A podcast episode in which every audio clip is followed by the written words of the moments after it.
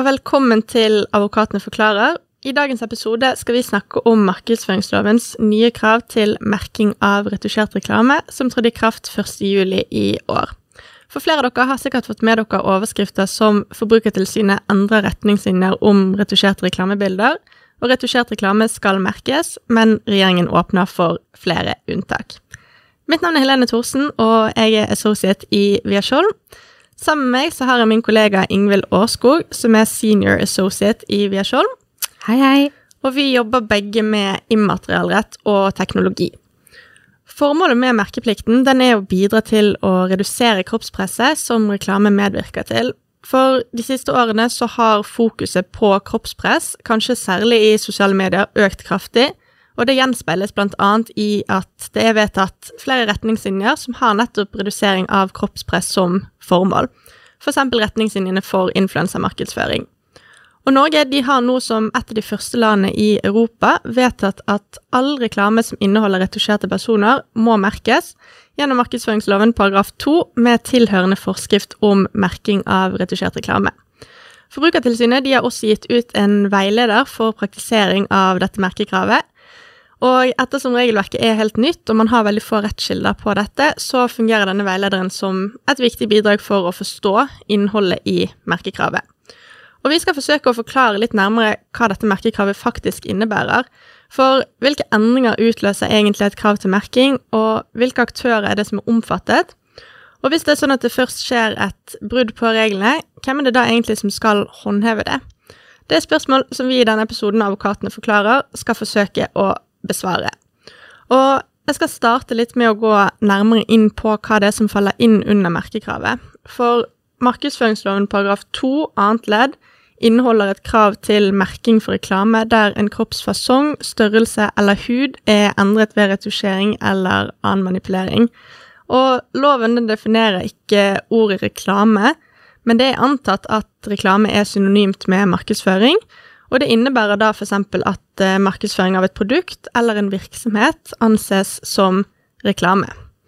Kravet gjelder for både film og eh, for bilder, og Forbrukertilsynet har sagt at merkekravet omfatter både endringer som gjøres etter at bildet er tatt, men også endringer som gjøres samtidig med at bildet eller videoen blir tatt, så lenge det innebærer at man gjør endringer på da kroppens fasong, kroppens størrelse eller kroppens hud.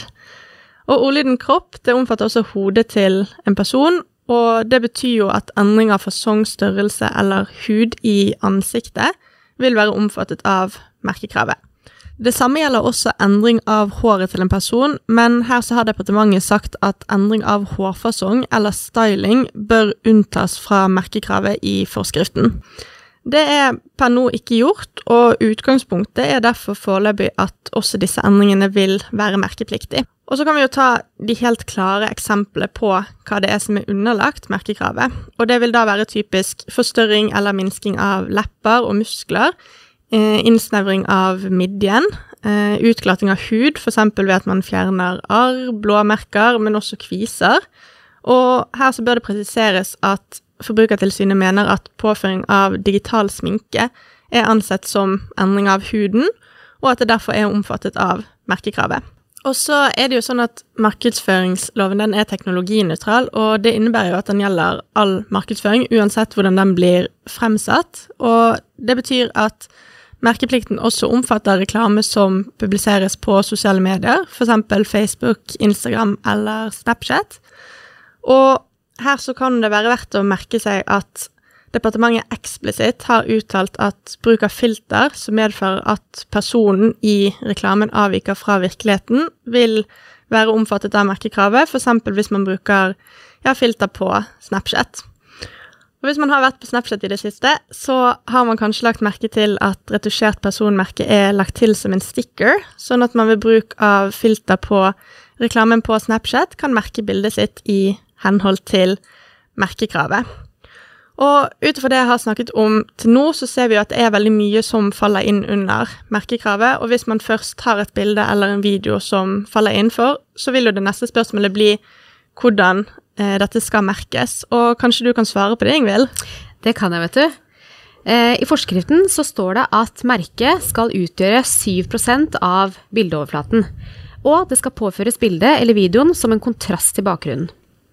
Merket skal påføres i høyre hjørne på reklamen, eh, med mindre det står et annet påbudt merke i dette hjørnet. Og i så fall så skal merket plasseres i et annet hjørne. Eh, hvis det dreier seg om en reklamefilm, så skal merket være påført og bli stående under hele filmen.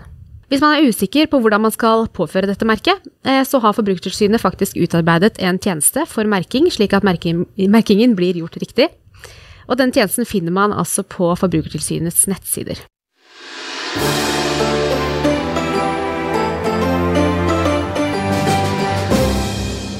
Nå så har vi da vært inne på hva som faller innenfor merkekravet, og hvordan det i så fall skal merkes. Men har vi egentlig noen tilfeller som faller utenfor?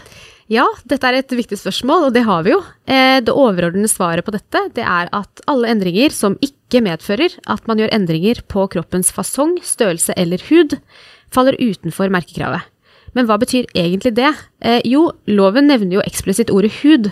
Så med andre ord vil ikke justeringer av farge på hår, øyne, øyenbryn, tenner osv. omfattes av merkeplikten. Ehm, så hvis man f.eks. redigerer personens øyne brunere eller redigerer tennene hvitere, trenger man altså ikke å merke bildet som retusjert. Men det er viktig å ha i mente at formålet med loven er jo å forhindre nettopp kroppspress. Ehm, så f.eks. vil en endring som går ut på å fjerne en hel person fra et bilde, ikke være underlagt merkeplikt, rett og slett fordi en slik endring ikke vil bidra til kroppspress. Ok, Men er det sånn at regelverket er helt klart her, eller har vi noen, eh, noen endringer som ligger i gråsonen? Ja, vi har endringer som også ligger litt i gråsonen. Eh, og noe som f.eks. skjedde i kjølvannet av innføringen av dette merkekravet, det var at det oppsto en del protester fra ulike fotografer. Eh, som uttrykte frykt for at dette merkekravet eh, favnet for vidt og ville hemme fotografenes arbeid. Eh, og dette kommer jo av at fotografer tar jo bilder i såkalt råformat, noe som gjør at eh, bildene stort sett alltid eh, må etterbehandles, typisk ved justering av farger, lys og metning. Dette er noe så å si alle fotografer gjør, enten som en del i et kunstnerisk uttrykk, eller rett og slett bare for å gjøre bildet sin helhet mer estetisk. Forbrukertilsynet hadde i sin opprinnelige veiledning lagt til grunn at en slik etterbehandling vil kunne endre huden til personen i bildet, og at det dermed var innenfor merkekravet. Men alle disse protestene medførte til slutt at eh, Forbrukertilsynet justerte faktisk veiledningen sin, eh, slik at etterbehandling av bilder og video som endrer hud, ikke vil utløse merkeplikten, så lenge, og dette er viktig, endringen ikke medfører kroppspress. Og dette innebærer at man ved etterbehandling av bilder, som jo også vil endre hudtonen og hudfargen til personen i bildet, enten det er en bieffekt eller ei, eh, må gjøre en vurdering av om endringen er med på å skape kroppspress. Så med andre ord så legger jo Forbrukertilsynet opp til en skjønnsmessig vurdering av om etterbehandlingen er underlagt merkekravet. Eh, og ut ifra dette eh, kan det kanskje være litt vanskelig å få tak på akkurat hva Forbrukertilsynet mener faller innenfor og utenfor loven. I deres veileder er det gitt eksempler på endringer i huden som omfattes av merkeplikten, som f.eks. det å gjøre huden mer solbrun eller gjøre den blekere. Og ut fra dette er det nærliggende å tolke Forbrukertilsynet slik at det kun er etterbehandling hvor man redigerer bildet som en helhet, og ikke går spesifikt inn på kroppen i hensikt av å endre denne, som er fritatt fra merkeplikten. Og det betyr at man som regel vil kunne redigere lyset og metningen på hele bildet, så lenge dette ikke medfører kroppspress, men at merkekravet inntrer eh, så fort man går inn og kun justerer lys og farge på selve personen i bildet.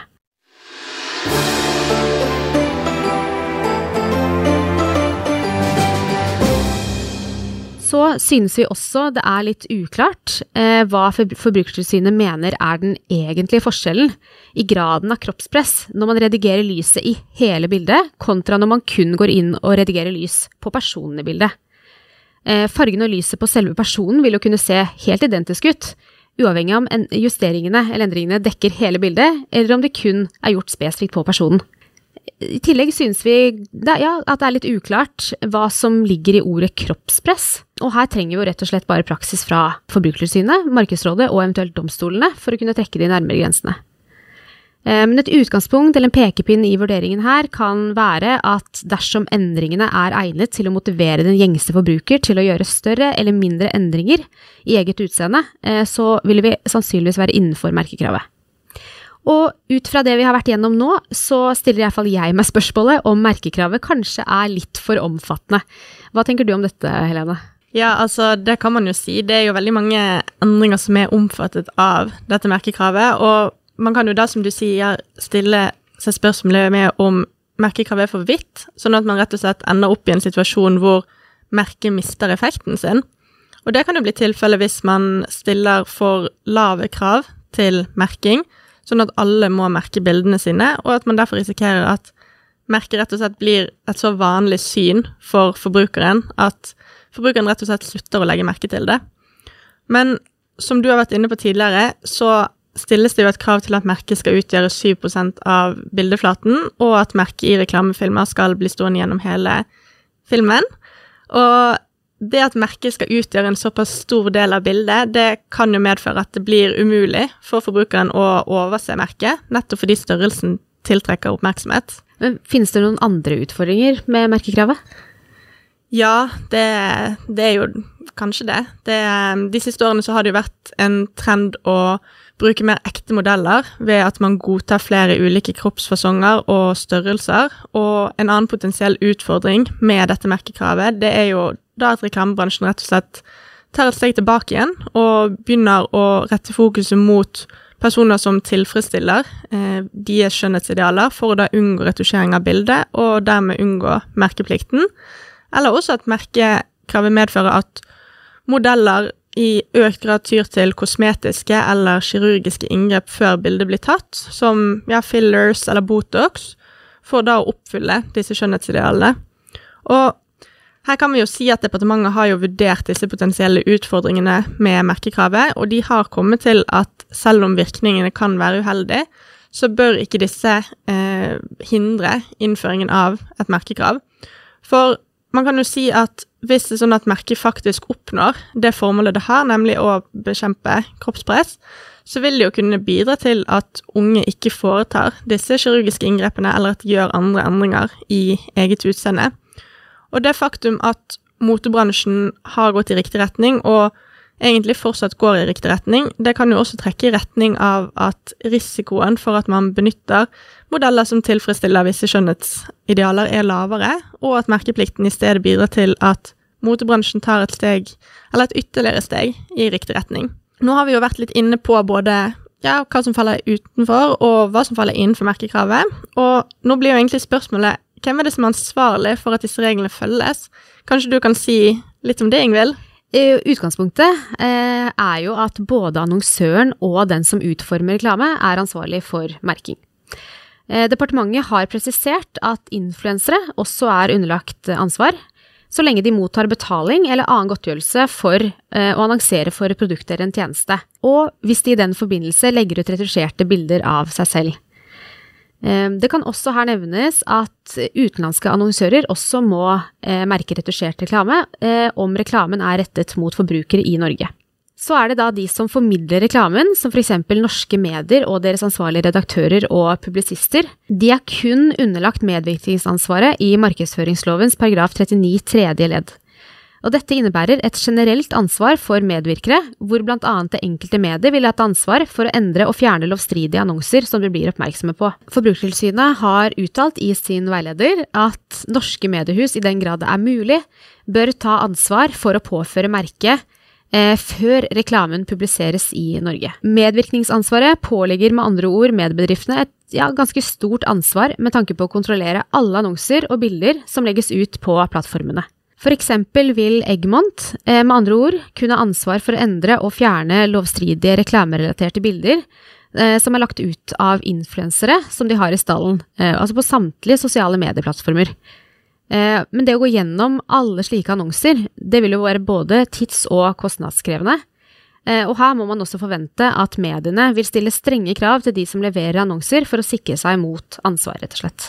Ja, ikke sant. Og nå så har jo du snakket litt om hvem det er som er ansvarsobjektene eh, under dette merkekravet, så da tenker jeg at jeg kan ta litt om hvem det er som står for håndhevingen av merkekravet. Fordi at som all annen markedsføring, så er det jo Forbrukertilsynet og Markedsrådet som kan håndheve brudd på markedsføringsloven. Og det skjer jo da enten gjennom enkeltvedtak hvor man pålegger påføring av merke, men også enkeltvedtak hvor man forbyr, eh, eller hvor man angir da et forbud mot umerket retusjert reklame. Og begge instansene de kan fastsette tvangsmulkt, enten løpende eller som et engangsbeløp for hvert brudd, eller så kan de også fastsette overtredelsesgebyr. Men sånn i praksis, da, hvordan vil Forbrukertilsynet og Markedsrådet håndheve denne merkeplikten?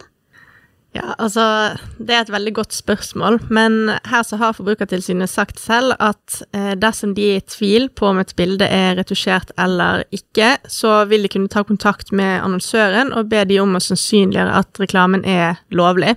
Og Forbrukertilsynet de har derfor anbefalt alle annonsører å ta vare på originalfilene, sånn at disse bildene kan fremlegges på etterspørsel fra Forbrukertilsynet.